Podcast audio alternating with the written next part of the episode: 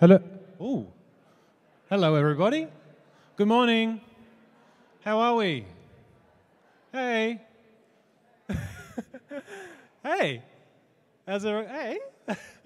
How's everyone going? Well, that's good. Thanks, Rob. Um, come on in, guys. Come and take a seat. Uh, we're going to start off with this, a little bit, something a little bit different this morning. Um, we're, we're doing a, a special worship service. Hey! so that means I have to be up here more. S- Sorry, but um, the, you know what we're going to do this morning. It's going to be a little bit different. I'm just going to share a little bit of a. It's a mini message uh, about um, three experiences I've had in my life uh, that have connected. Um, uh, connected uh, worship with me and, and, my opinions on worship and how I've, I've formed it. Um, so that's that's how we're going to start. So for those of you who don't know me, um, uh, I'm Travis. I'm the worship pastor here at YVV. Um, uh, and for, for those of you who are new to us, welcome. We're, we're really happy to have you. Um, have we got any visitors in the house? If we oh, hey guys, welcome, welcome. Yeah, good to have you. Um, so as I said, I'm Trav. I'm the worship pastor, and uh, today is going to look really different. It's going to be really exciting. As I said, I'm going to give a short little message. Uh, then we're going to do quick announcements, and then we're going to move into an extended time of worship. So it's going to be really fun. Um, get yourself comfortable because uh, it's going to be uh, a really nice extended uh, time where we can really press into God and, and get into it. So hope, hope, hope you're going to enjoy it. Um, but let's start first of all uh, by um, getting into this. I've, I've called this little message. Sorry, I've never given a message before, so bear with me. I didn't really know how to formulate a message, so um, yeah, just bear with me. Uh, I've called it worship in real life, uh, basically because yeah, I didn't know how to do a message. So I've come up with three stories of my life. I've connected it to, three scriptures that are, that are really uh, precious to me. Uh, and um, and th- then I've, I've, I've, got a little takeaway from each of those stories um, that hopefully you guys can um, uh, get something from as well. Okay? So, first up, I'm sorry, it's really loud. Um, first up, understanding God's power, kind of. Uh, I've put a little bracket in there because we never really can fully understand God's power. Uh, he's so big, and and and uh, and yeah, there's just really nothing um, to to fully express it. Um, but this uh, this verse was really a, a powerful for me when I was a young man. Um, uh, and I'm old. I'm old now. um, and it's from Revelation. It's Revelation 19, 11 to 16. So if you've got your Bibles or your phones, you can grab them out if you like. Um, as a young man, you can imagine that this kind of powerful message is really attractive to a young guy who's got a lot of testosterone and like likes to think about God in different ways. So um, I'll read it for you. I saw heaven standing open, and there, there before me was a white horse, whose rider is called Faithful and True. With justice he judges and wages war. His eyes are like blazing fire, and on his head are many crowns. He has a name written on him that no one knows but he himself. He is dressed in a robe dipped in blood and his name uh, is the Word of God. The armies of heaven were following him, riding on white horses and dressed in fine linen, white and clean. Coming out of his mouth is a sharp sword with which to strike down the nations. He will rule them with an iron scepter. He treads in the winepress of the fury of the wrath of God Almighty. Uh, on his robe and on his thigh, he has his name written King of Kings and Lord of Lords. Now, how good's that verse? it just gives me chills whenever I read it. Um, but yeah, you can imagine as a young man, this verse just stands out. You know, you want a, you want a God that is a warrior. You know, and so uh, this verse is amazing. And I've linked this verse up. Um, there's a little picture that I found on the internet. Um, but you know, this isn't the image that we get of our God a lot. You know, like this is a this is a warrior. He's coming to to wage war, and obviously it's a war on things that we can't see. You know, so it's really exciting. Um, now, this is me in 2004. Yeah, I'm really sorry for that. Um, but it, and I'm sorry to my wife Kim for that because that's just horrendous. But um, but it gives you a little bit of a, an idea of what it, what I was like at that time. And this story takes place in 2004 at Soul Survivor. Who knows Soul Survivor? Yeah, yeah. Good, good place. Good, good place. So, um, as a young person, you got your friends around you. You get a week a week away from your parents which is ex- it's exciting. And um, you go up to Belgrave Heights Convention Centre, and we had an amazing extended worship time uh, at, on, on, one of these nights at Soul Survivor that I'll never forget. It, it changed my life forever. Um, it's the moment for me where the God, the, it, God was a figurehead of my faith, all right? From, from the moment that I was a young child, I was, grew, grew up in a Christian family, he, was just a figurehead of this faith, right? This moment that I'm going to tell you about, he changed from a figurehead to the God that created everything, the God of the universe, right? Um, it was amazing. We had an extended worship night, and uh, and as the as the music was going, there's an opportunity for some of the young people to come forward.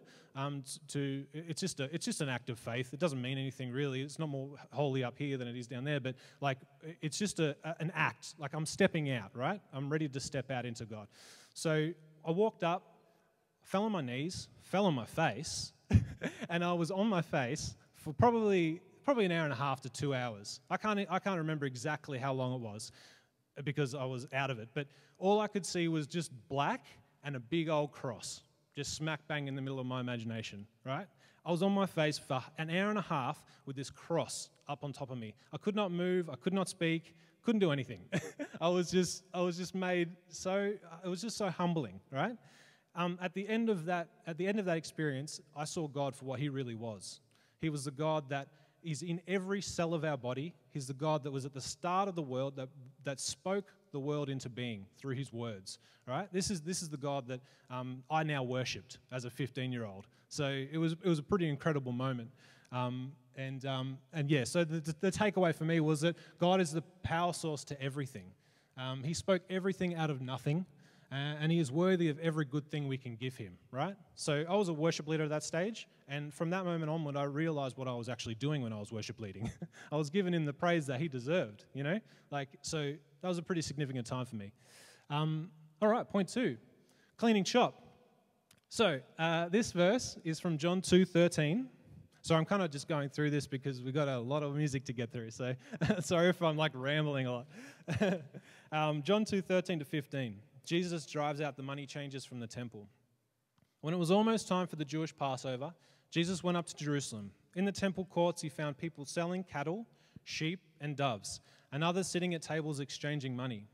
So he, so he made a whip out of cords and drove all from the temple courts, both sheep and cattle. He scattered the coins of the money changers and overturned their tables. Again, another pretty uh, overt verse. you can kind of tell what kind of young, young guy I was. but, um, but I just, I love this verse because Jesus is just, he's no, there's no bull with him. You know what I mean? Like he, he wants to, he wants to get to the crux of it and he makes a whip. Like what a, what a guy. It's just awesome. Um, I like to think I like to think in my early ages that he was whipping the, the dudes with the money, but he wa- he probably wasn't. He was just probably whipping the animals out and then and then just like having a go at the guys with the money. But um, but in my head it was like yeah he's whipping people. But anyway, um, so that's the verse. this experience takes place at one of uh, Vineyard's worship retreats, right? Which is if you've ever been to have you ever been to a worship retreat? Any of the worship guys? No. Yeah, one, two, three, a couple. Anyway, they were, they were awesome. This one happened on the beautiful sunny coast uh, around about 2013. Um, we're there again in a worship session, uh, although there was a ministry time after the worship session. So I was being prayed for by our old pastor, Kevin Butterfield, uh, and um, one, of the, one of the leaders of the um, uh, New South Wales church is Greg Trainer. I don't know if anyone knows Greg Trainer in this building. Greg Trainer is a, an absolute beast. He's just the best guy. Um, and so, anyway, we, we, had this amazing worship session. Um, I was feeling it. Went into this ministry session, and this is what it felt like. okay, this is what happened. Getting prayed for. All of a sudden, I'm hunched over in this position, like like grunting. it wasn't even like nice. I was grunting, like making this really loud noise. Um, and all I felt was like this fire coming up and down me, you know? Like it was like this pillar of fire that God had just um, just shot through me, right? And it felt cleansing. Like it, I don't know if anyone can relate to, to this experience or, uh, you know, I think Christians call it the baptism of the holy fire or something. Is that what they call it? But I don't. I avoid that term. But um, but I just felt like it was cleaning me from the inside out you know? Like this is what it felt like. Uh, and um, and that was just a significant uh, experience for me. Not because i had stuff dealt with at that time but because it, i realized how much god wanted to be with me. You know he was willing to meet me in this place and do this thing to me so that we could be closer. Like that's what i got out of it Uh, which is just it's incredible you know like and so i've just said god will do anything to be with us this is my takeaway He will pull apart major bodies of water and make it rain bread and honey in a desert. He, di- he would die for us. and he cared enough to meet a 24 year old guy a worship retreat in the, exact same, in the exact way he needed to be met, right? This is a God we worship. He's just so good. All right, third one being thankful. There's scriptures from 1 Thessalonians 5 16 to 18. Rejoice always, pray continually, give thanks in all circumstances, for this is God's will for you in Christ Jesus. Right? All right, so great verse, obviously. Uh, this verse is connected to who, who knows this? Who knows this lady? Who knows this girl? Anyone? Yeah? No, no, she's not a movie star. Anyone who's new, she's not in the movies, okay? This is my wife. she's so embarrassed. this is my wife, Kimbo. Um, this story, uh, unfortunately, um, you know, we're the stars of this story. Uh, but for those of you who don't know us, uh, we, we have been through quite a, quite a lot in our marriage. We've been married for about 10 years now, and for approximately half of that, Kimmy struggled with um, uh, quite a, quite a, um, a difficult uh, affliction called IC. It's interstitial cystitis. Anyway, it's really, it's really horrible. It's uh, chronic bladder pain, and, it, and it's, it's excruciating. Sorry, I can't get my words. It's excruciating. And um, she went through a, a, number of years of just horrible pain, uh, waking up every morning in pain. and, um, and, um, oh, sorry, too early. Um, so we went through this. We went through this really arduous journey of trying to find healing, uh, and and for us, um, one of the main things that helped us in our journey was thank- thankfulness. Thankfulness is so powerful um, uh, when, we, when we had the patience, we didn't always have the patience, but when we had the patience to, we would wake up in the morning and we would start by saying three things that we were grateful for for that day. We would, we would start the day, each of us saying three things, and we would, and we would thank God for those things, right? And, and what happens when God's design is so amazing? What happens when we're thankful? What happens when we show uh, appreciation? Is that God, we, there's chemicals that are released in our brain serotonin and dopamine. They're our feel good chemicals. When we show appreciation, these things are released and we feel good. God's made it feel good to be thankful. Like, how good's that design? It's just incredible. And so, and so this, this was part of, our, part of our journey, and thank God that we've reached a, a stage now where Kimmy has, has less pain and, and, um, and she's healed her to this stage where, where we could have a baby, a beautiful Daisy, and um, and yeah, so we're just so we have so much to be thankful for, and it's a big cycle. We're thankful, we feel good, we're thankful. He's made us to do that. So the takeaway from that story is, oh, sorry, this I just thought this was funny. Serotonin and dopamine, technically the only two things we enjoy. um, but God has literally designed us to worship, right? So this is the takeaway. So what am I trying to say? God is the power source of all of all and worthy of everything and anything we can offer him. Okay? Two, God loves you and will do anything to be with you, right? And three, God has literally designed you to worship. Okay? so they're my three takeaways, and I really hope that you've got something from that. Um, again, sorry I powered through it, but uh, what I'll do now is I'll just invite uh, Di up. Um, she's got just got a couple of announcements and we'll just do some offering. And Barry, while Di comes up, why don't you just pop up as well? Um, we're going to move into a, a, stage after the announcement. We're going to move into some reading of the of the scripture uh, as we start to worship, and hopefully that'll just uh, facilitate things and be really great. So here's Di, everyone. Let's give it up for Trav. Well done. First message thing, hey?